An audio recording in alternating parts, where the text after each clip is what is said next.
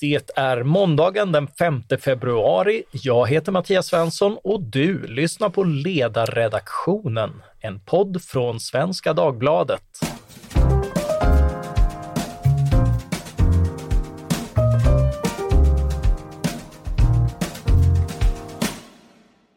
Dagens ämne är populism och hur den kan bemötas. Det går nämligen Nils Karlsson igenom i en ny bok, Reviving Classical Liberalism Against Populism.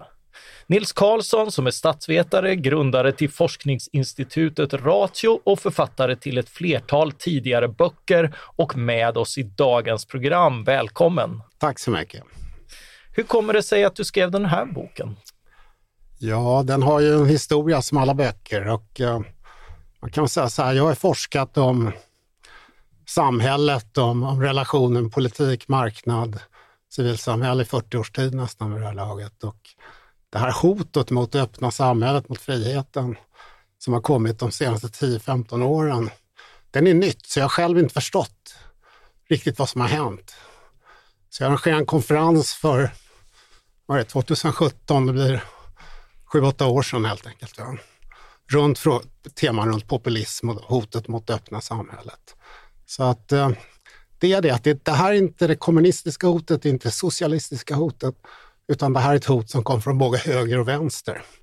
Och det, det är skälet till att jag skrivit boken, för att själv förstå och kunna bidra till hur vi ska kunna försvara oss mot det.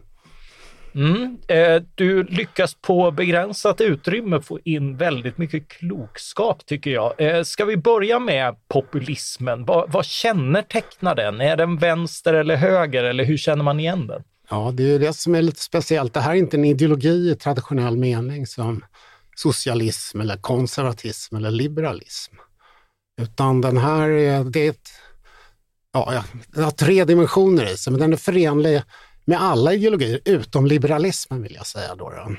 Och den anpassar sig till bakgrunden som kameleont lite grann.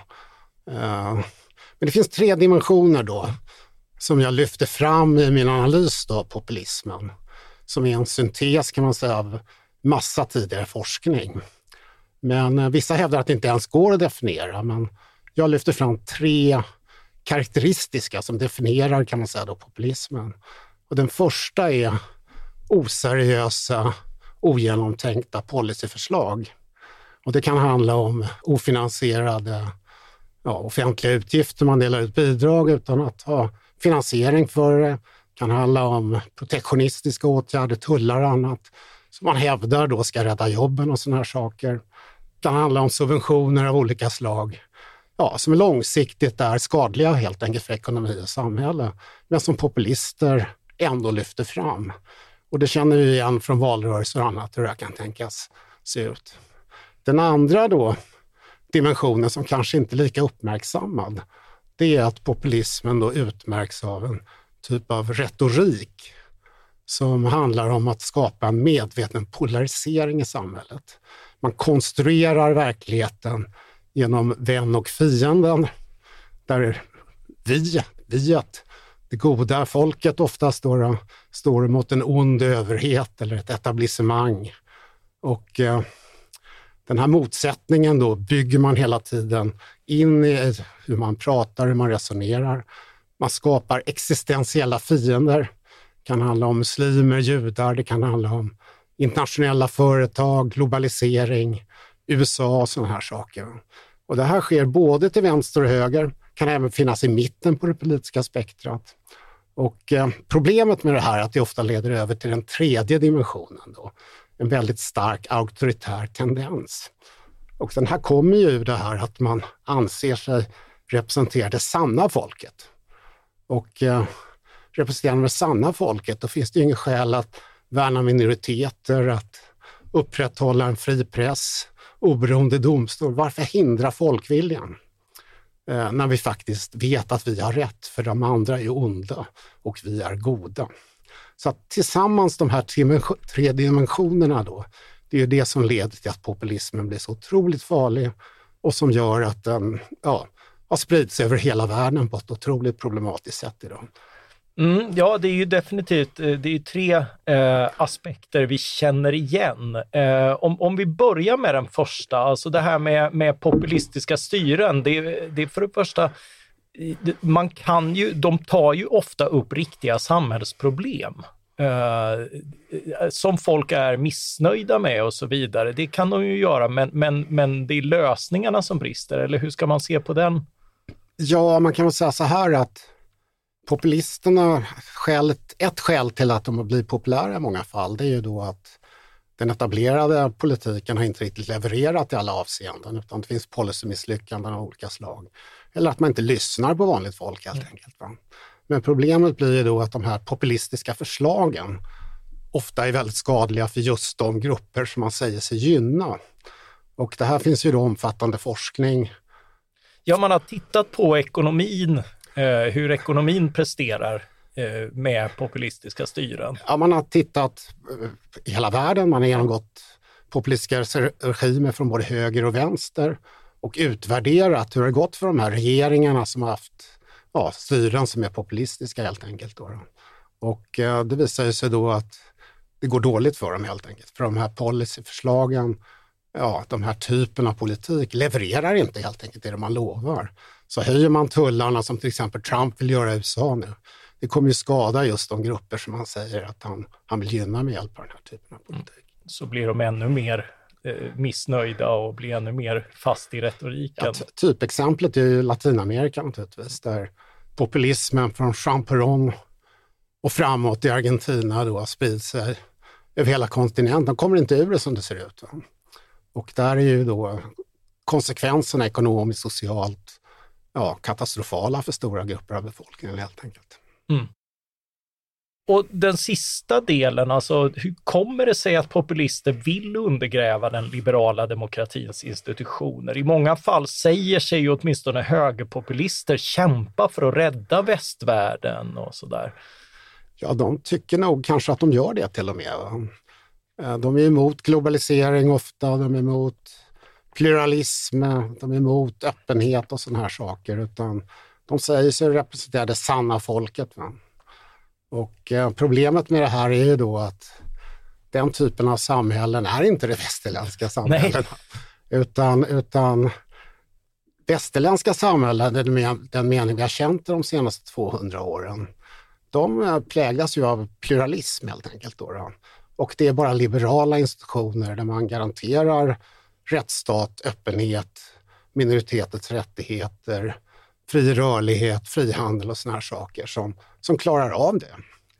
Det, det, är så. Ja, och, och, det är väl lite grann just i den här, det är ju en aspekt av retoriken jag har noterat som kommer in, att man, man ska liksom krossa sin politiska motståndare. Det är inte längre en meningsmotståndare som man kan lämna över makten till och, eh, och, och, så får de vakten och så är det lycka till i nästa val och så lever du under skyddet av minoritetsrättigheter i fyra år och kan sova gott om natten ändå, som man gör i, i den liberala demokratin. Utan det handlar om just att att, att tillintetgöra några som är skadliga för samhället för gott och alltså att segra i i en typ av dimensioner som handlar om att få bort fiender. Är, är det en rätt förståelse av, av den här ja, retoriken? Det, det, är en del av kärnan i själva retoriken, att man demoniserar sina motståndare.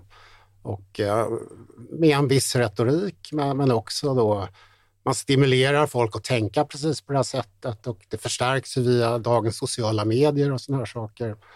Och eh, man är ju beredd att låsa in dem helt enkelt om det och man möter motstånd när man väl har fått makten. Så det är väldigt tydligt att när populistregimer, både från höger och vänster vill jag säga, eh, hamnar i maktpositioner, då börjar man stegvis, i små steg, inskränka det öppna samhällets fri och rättigheter. Man eh, börjar kontrollera statsmedier, man börjar infiltrera privata medier, man börjar byta ut domare i domstolar, man börjar inskrika friheter och så vidare. Inte i stora steg, utan i små steg. Man har fortfarande allmänna val. Det behåller man då för att legitimera så att säga, regimen. Så att det här hotet, det här är intressant. Alltså, det här är någonting som sker inom demokratierna. Det här är någonting annat än när auktoritära stater som Ryssland eller Kina hotar de västerländska demokratierna. Utan det här är demokratin kan vi säga, som undergräver sig själv genom att säga att de har ett starkt folkligt stöd. Mm, eh, och eh, ja, det är ju definitivt saker vi ser. Det finns också intellektuella förlagor till eh, den här populismen. Du går igenom ett antal tänkare som, eh, som har inspirerat den här rörelsen. Ja, det här är ju viktigt att förstå att det här är ju egentligen ingenting nytt, de här idéerna. Det är ju sällan så här i världen, utan populismens idéer och tankar har vuxit fram successivt då som, ett, som en kritik mot ja, upplysningen, mot eh, öppenhet, frihet, mot rationalitet, mot vetenskap, mot expertis, mot forskning och sådana här saker.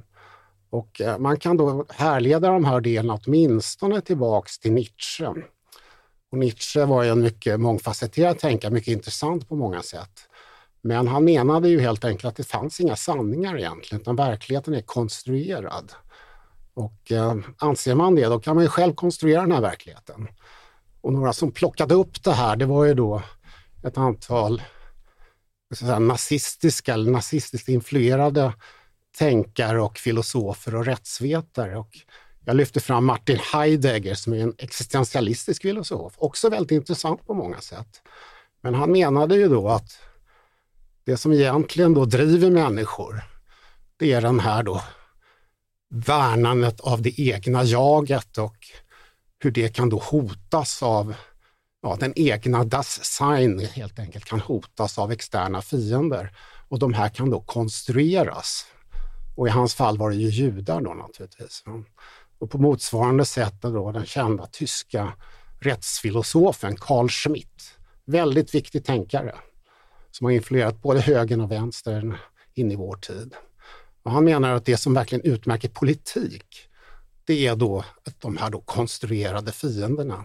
De behöver inte vara verkliga, utan politik handlar om att skapa en existens, existens, existentiell fiende. Och vi känner igen det här från svensk debatt med ja, utlänningar i allmänhet, judar, muslimer och så vidare. Och det här är ju ett gift som är livsfarligt. Va? Och det som är intressant med det här då, att det plockades ju upp då av Frankfurterskolan, av postmodernismen och det som då, är då handlar om kritisk teori och hela vokismen som finns då spritt inom universitetsvärlden som då har tydlig vänster Ja, alltså både vänstern, på 20-30-talet var det högern som anammade, utvecklade de här idéerna. Idag är det vänstern. Två av de ledande tänkarna inom den säga, vänsterpopulistiska ideologin är då Chantal Mouffe, en belgiska, och Ernesto Laclau, en argentinsk filosof. De hänvisar explicit till Carl Schmitt. Och eh, det här, de här idéerna plockas upp då av Steve Bannon och liknande personer på högerkanten också. Så det här är ett helt tänkande. För mig har det varit väldigt intressant att ska säga, förstå det här. Hur, hur kan det komma sig att det är så framgångsrikt? Hur gör de helt enkelt? Mm. Och det är den här, de skapar den här polariseringen, skapar, medvetet skapade polarisering helt enkelt, som, som är attraktiv för många människor. Och, och de är också alla förenade i att det är fel på liberalismen, kapitalismen, den liberala demokratin de är förenade i detta då, då men för vänstern är det ju ja, den gamla vanliga klasskampen alltså. Eller ja, moderna tappningar där man då pratar om olika minoriteters identitet som är hotad på olika sätt. Prekariatet och annat pratar man om då, som då är hotat. Medan då kapitalister och globalister och stora företag och USA och the utgör, 1%. Ja, precis, utgör det stora hotet. På högersidan är det ofta då någon sorts nationalistisk, halvrasistisk logik som det handlar om. Det sanna, rena folket som då hotas av ja, utlänningar och globalisering. Och, och alla då så tycker man ju då att det finns, tack vare att man själv då står för det rätta och sanna, så finns det ingen skäl då att värna oberoende domstolar, fria medier, minoriteters rättigheter och så vidare, utan tvärtom. Man är beredd att köra över det, för att man vet ju själv att man har rätt. Mm, eh, och Och ändå är allt fler väljare beredda att stödja populistiska partier och, och kandidater. Eh, du har varit inne lite på det, men vad beror stödet på? Beror inte det på att de har pekat på verkliga svagheter med den förda politiken och sett väljare som andra partier inte appellerar till? Jo, det är naturligtvis en del av förklaringen. Jag, jag går igenom de sju, åtta förklaringar som då finns inom tidigare forskning och vad folk brukar hävda förklarar framväxten av populism. Och eh, det vanligaste är väl just sådana här saker runt ja, globalisering som hotar jobb och skapar strukturomvandling, ny teknik, AI är väldigt poppis numera. Eh, det kan handla om migration, ökad invandring, det kan handla om ja, den typen av frågor. Det är väl de vanligaste typen av frågor. Men om man tar till exempel Sverigedemokraterna som ju då är det svenska exemplet väl. Eh, där är det ju ändå en, en eh, migrationspolitik som har stött på problem. Det kan man ju också se, eller hur? Ja, men, precis som jag skulle förklara här helt ja. enkelt då, att de här då ökade klyftorna som en del säger, ökade invandringen som ju då har skapat reella problem. Eh, det populisterna har gjort är att tolka in det i det här schemat med vi emot dem. Mm. Man har valt liksom att sätta en sån tolkning av verkligheten på det vi ser. Så att det finns reella problem och som måste åtgärdas naturligtvis som hela tiden i samhället. Det sker ständigt saker som vi behöver åtgärda och eh, policies är aldrig, politiken är aldrig perfekt. Och här har väl då etablerade partier inte varit tillräckligt alerta och lyhörda för de här problemen. Och istället har man då öppnat upp genom ett idévakuum pratar jag om då för att ja, populisterna då ska kunna komma in här. Låt mig ändå nämna då, då det finns ju sociala medier, eh, det finns eh, ja, de här karismatiska ledarna, det finns eh, identitetssidor av de här förklaringarna då till varför populismen har slagit igenom så att säga. Mm. Och det, en, en av dem är ju korruption. Ja, eh, det... För, för, det finns nästan alltid någon sån här korruption eller lögnskandal eller något sånt där bakom ett maktskifte som ger populister ja, makten. Så är det alltså. Det, det, populister använder alla typer av kriser. Det spelar ingen roll vad det är för typ av kris. Eh, det kan handla, man skyller på finanskrisen, man ja, jobb som försvinner, gruv, ja, vad det nu kan vara för någonting. Då, då. Och man använder det här då, retoriken, vi mot dem-retoriken för att skapa det här. Då. Korruption är ju, det bara lämnar ju fältet öppet. Det tydligaste exemplet är väl Italien, de ligger ju före resten av världen här tyvärr. Där hade vi redan på 70-talet de här stora korruptionsskandalerna där alla de etablerade partierna egentligen utraderades. Så det fanns bara populister kvar, både till höger och vänster. Och det är det, det kaos Italien har funnits i de senaste 20-30 åren tyvärr. Mm. Eh, du ägnar ett kapitel åt mening och identitet. Vad, vad, finns att säga om sådana faktorer och vad spelar de för roll för politiken? Ja, alltså det jag har försökt förklara tidigare med den här bakgrunden med Heidegger och Carl Schmitt och Laclau och Chantal Mouffe och de här personerna. Då det är ju att populismen i grunden är en sorts identitetspolitik. En kollektivistisk identitetspolitik.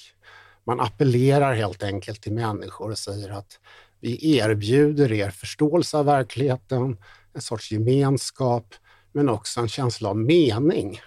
För att det vi gör är ju att kämpa emot de här onda, korrupta etablissemanget och eliterna och grupperna som hotar vår egen existens. Och det här är ett väldigt kraftfullt arg argumentation. Och ja, det här har varit väldigt intressant för min själv, min egen förståelse av hur samhället fungerar. Att människor drivs inte bara av rationella argument, av ja, det här som man vanligtvis utifrån liberal utgångspunkt tror kan förklara och driva utveckling. Bättre argument, ja, positiv ekonomisk utveckling och så vidare. Utan det som motiverar människor i hög grad är mening. Och i mening av att känna att de utgör en del av ett sammanhang, en helhet och att de själva då bidrar till den här meningen genom att kämpa mot som är lite större än de själva. Så det här är väl ett eget bidrag i den här boken vill jag säga. Mm. Eh, och eh, du är själv klassisk liberal och det är nog så jag själv skulle etikettera mig. Vad innebär det? Att vara en klassisk liberal, det betyder ju att man är liberal i europeisk mening vill jag säga. Då, då. I USA har ju begreppet liberalism då ofta tolkats just in i att vara vänsterliberal och det man kallar för nästan vokism idag. Då, då. Så att jag använder begreppet klassisk liberal för att distansera mig här. Men också för att göra en distinktion mot att vara socialliberal. Och eh, att vara en klassisk liberal, då har man ju då, ja, man, man har en tuffare syn på vad det är som är statens roll i samhället. Så att jag definierar då klassisk liberalism återigen från tre dimensioner. Och den första handlar om den här synen på, på staten, på institutionerna. Och liberalismens värde är ju att värna friheten naturligtvis. Man ska inte använda statsmakten till någonting annat än att värna friheten och att individer inte ska inskränka andras frihet. Eh, och det handlar ju då om rättsstat och marknadsekonomi och den typen av institutioner som upprätthåller äganderätten och sådana här saker. Och den liberala demokratins institutioner. Och den andra dimensionen då i klassiska liberalismen, eller liberalismen vill jag säga, det är ju marknadsekonomin och civilsamhället inklusive familjer, gemenskaper och så vidare. Inte bara marknader, det är väldigt viktigt. Men det tredje då kallar jag för den liberala andan, the liberal spirit. Mm. Ett begrepp som jag lanserar här.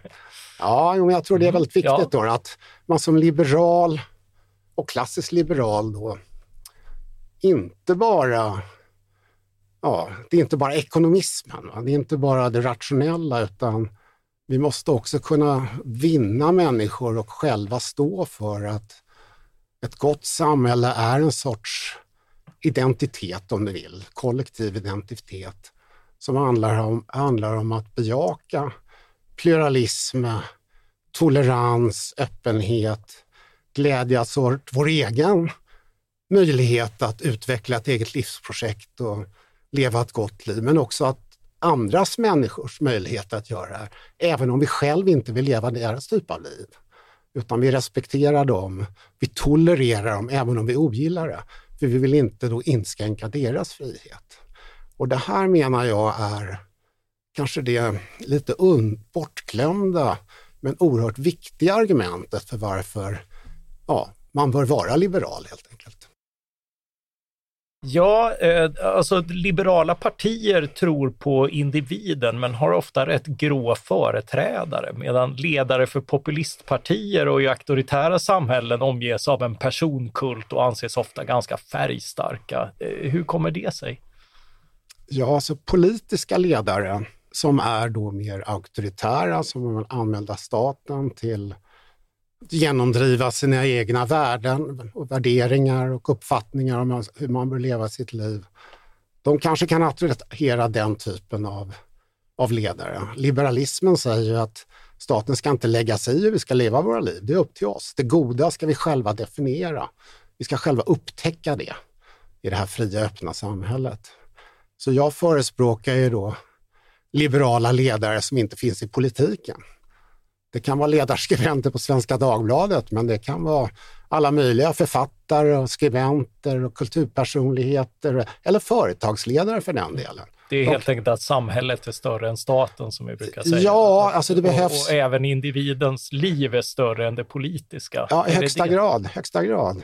Men det är ingen slump att det är svårare då för säga, liberala partier att attrahera den här typen av personligheter för att den typen av personlighet som är liberala vill inte vara politiker.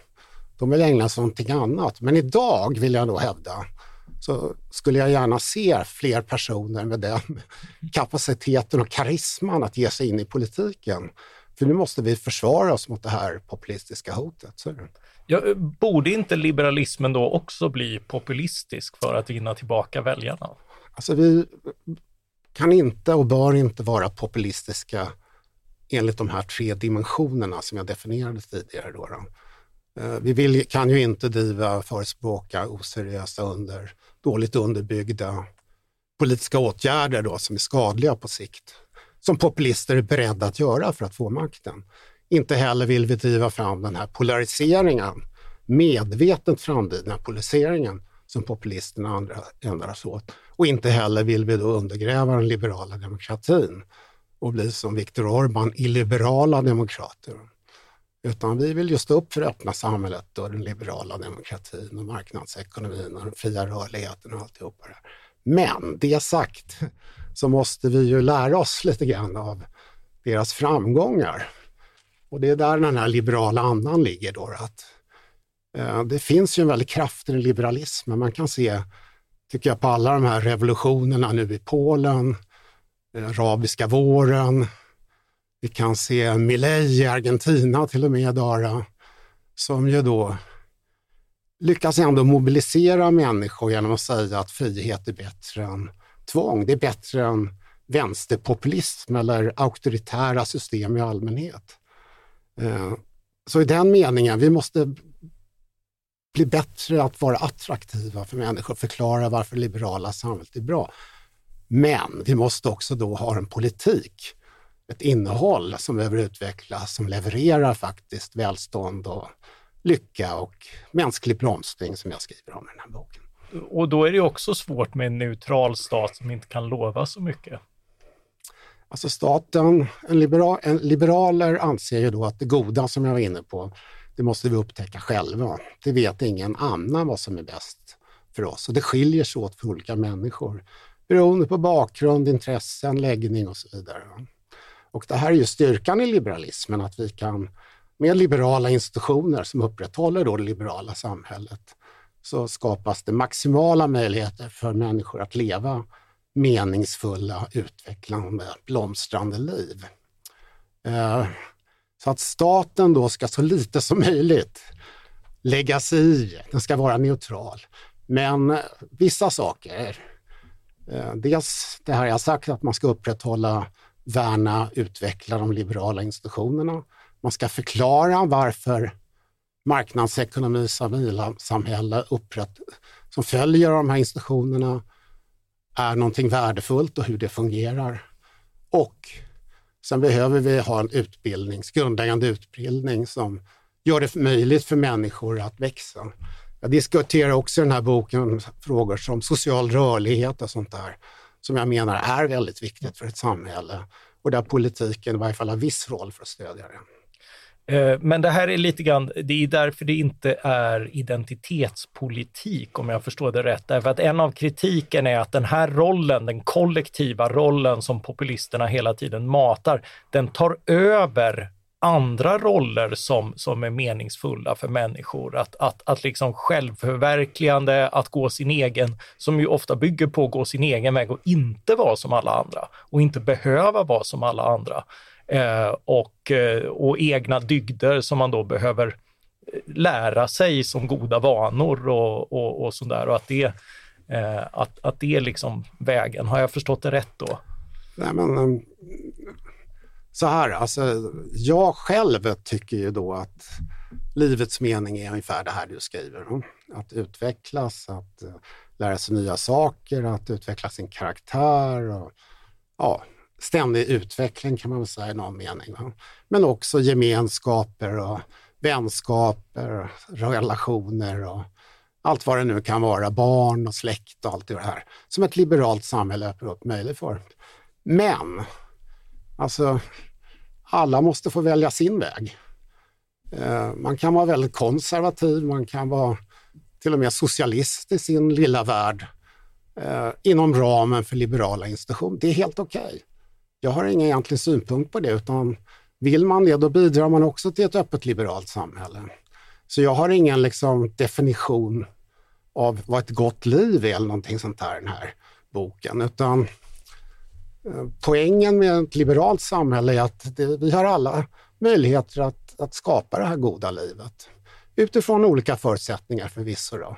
Men, men så är det. Och, eh, eh det vi behöver dock, det är ju liksom... Vi, vi kan inte bara försvara ett liberalt samhälle med hjälp av rationella argument, utan vi måste väl, vädja till känsloargument, till karaktärsargument. Det Aristoteles kallas för patos och log, eh, eh, etos, patos, inte bara logos helt enkelt. Va? Och jag är själv mycket för etos, karaktär och dygder och såna här saker. Mm. Eh, och eh, det är bara ett liberalt samhälle som långsiktigt kan erbjuda det. Det är vad den här liberal spirit handlar om. Den liberala andan behöver vi omfamna och sprida. Och inte bara med hjälp av politik, utan civilsamhället och alla möjliga aktörer behöver bidra till att förklara att det här är det, här är det goda samhället. Ja, det är väl lite grann den här att, att det, det som många kritiker kallar tomhet, att politiken inte levererar svaret på livets mening och liknande. Eh, det lämnar ju åt fri, människor i fria samhällen att just fylla det med innehåll. Uh, och, och, det är ju lite av det är lite av poängen snarare än svagheten med, med det liberala samhället, det även om det också är lite skrämmande, för, för det är ju ett ansvar. Det är det som är poängen, men det är också ett väldigt attraktivt. Som jag sa, alla de här revolutionerna vi ändå ser, från Majdan och sådär, orangea revolutioner och allt möjligt. Det man, vill ha, man vill ha det här. Människor vill ha jag, jag tror det är precis samma sak i Sverige om man är helt uppriktig. Då. Men då måste det här artikuleras, politiska aktörer måste ta till sig det här, eh, det måste drivas på ett, på ett eh, bra sätt. Alltså människor vill inte bara ha välstånd, de vill ha frigörelse. De vill ha det här.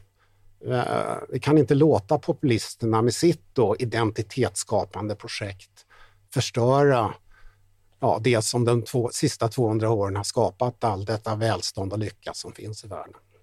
Mm, eh, så jag läser din bok lite grann som en uppmaning att försöka möta populismen genom att bli en bättre människa, om man ska uttrycka det krasst. Någon som passar bra så här i början av ett nytt år. Eh, år. Eh, för i korthet så ska man bilda sig, respektera andra, även meningsmotståndare, värna människors lika fri och rättigheter och de institutioner som skyddar dem, eh, leva ett gott liv i så många dimensioner som det bara går, lyssna på och lära av andra och aldrig sluta vara nyfiken på samhället och på tillvaron. Är det en rimlig sammanfattning av uppmaningen i din bok? Det är en del av uppmaningen. Den andra uppmaningen kan man säga är ju att ta tillvara och utveckla de liberala institutionerna. Vi behöver en reformagenda som gör att människor inte känner att politiken har misslyckats. Utan eh, vi behöver då utveckla och värna rättsstat till exempel, lag och ordning i Sverige. Håller man inte ordning, ordning på de här sakerna, då öppnar man ju upp fältet. Ökar korruptionen, då öppnar också upp fältet för, för populismen. Så att Eh, den här liberala andan då som du pratar om, den, den tror jag är det som vi har underskattat. Eh, världen hade ju en fantastisk utveckling, även Sverige, från 1990 fram till kanske 2010 någonting. Sen har det stagnerat eller gått tillbaka. Och det här måste vi hantera både genom reformer som vi var inne på, men också genom att förstå att det här då liberala, öppna marknadssamhället, civilsamhället är otroligt attraktivt och det enda som är möjligt att ha egentligen om man vill kunna leva i ett pluralistiskt samhälle. Vilka bra eh, slutord. Tack så mycket Nils Karlsson för att du var med oss idag. Tack för att jag blev inbjuden Mattias. Tack också till alla er som har lyssnat. Fann ni innehållet populärt eller vill ni tvärtom vara liberala med er kritik? Maila hur som helst tankar, synpunkter och rättelser till oss på ledarsidan svd.se. Ledarsidan svd.se. Producent för det här avsnittet var Jesper Sandström. Jag heter Mattias Svensson och jag hoppas att vi snart hörs igen. Tack för den här gången.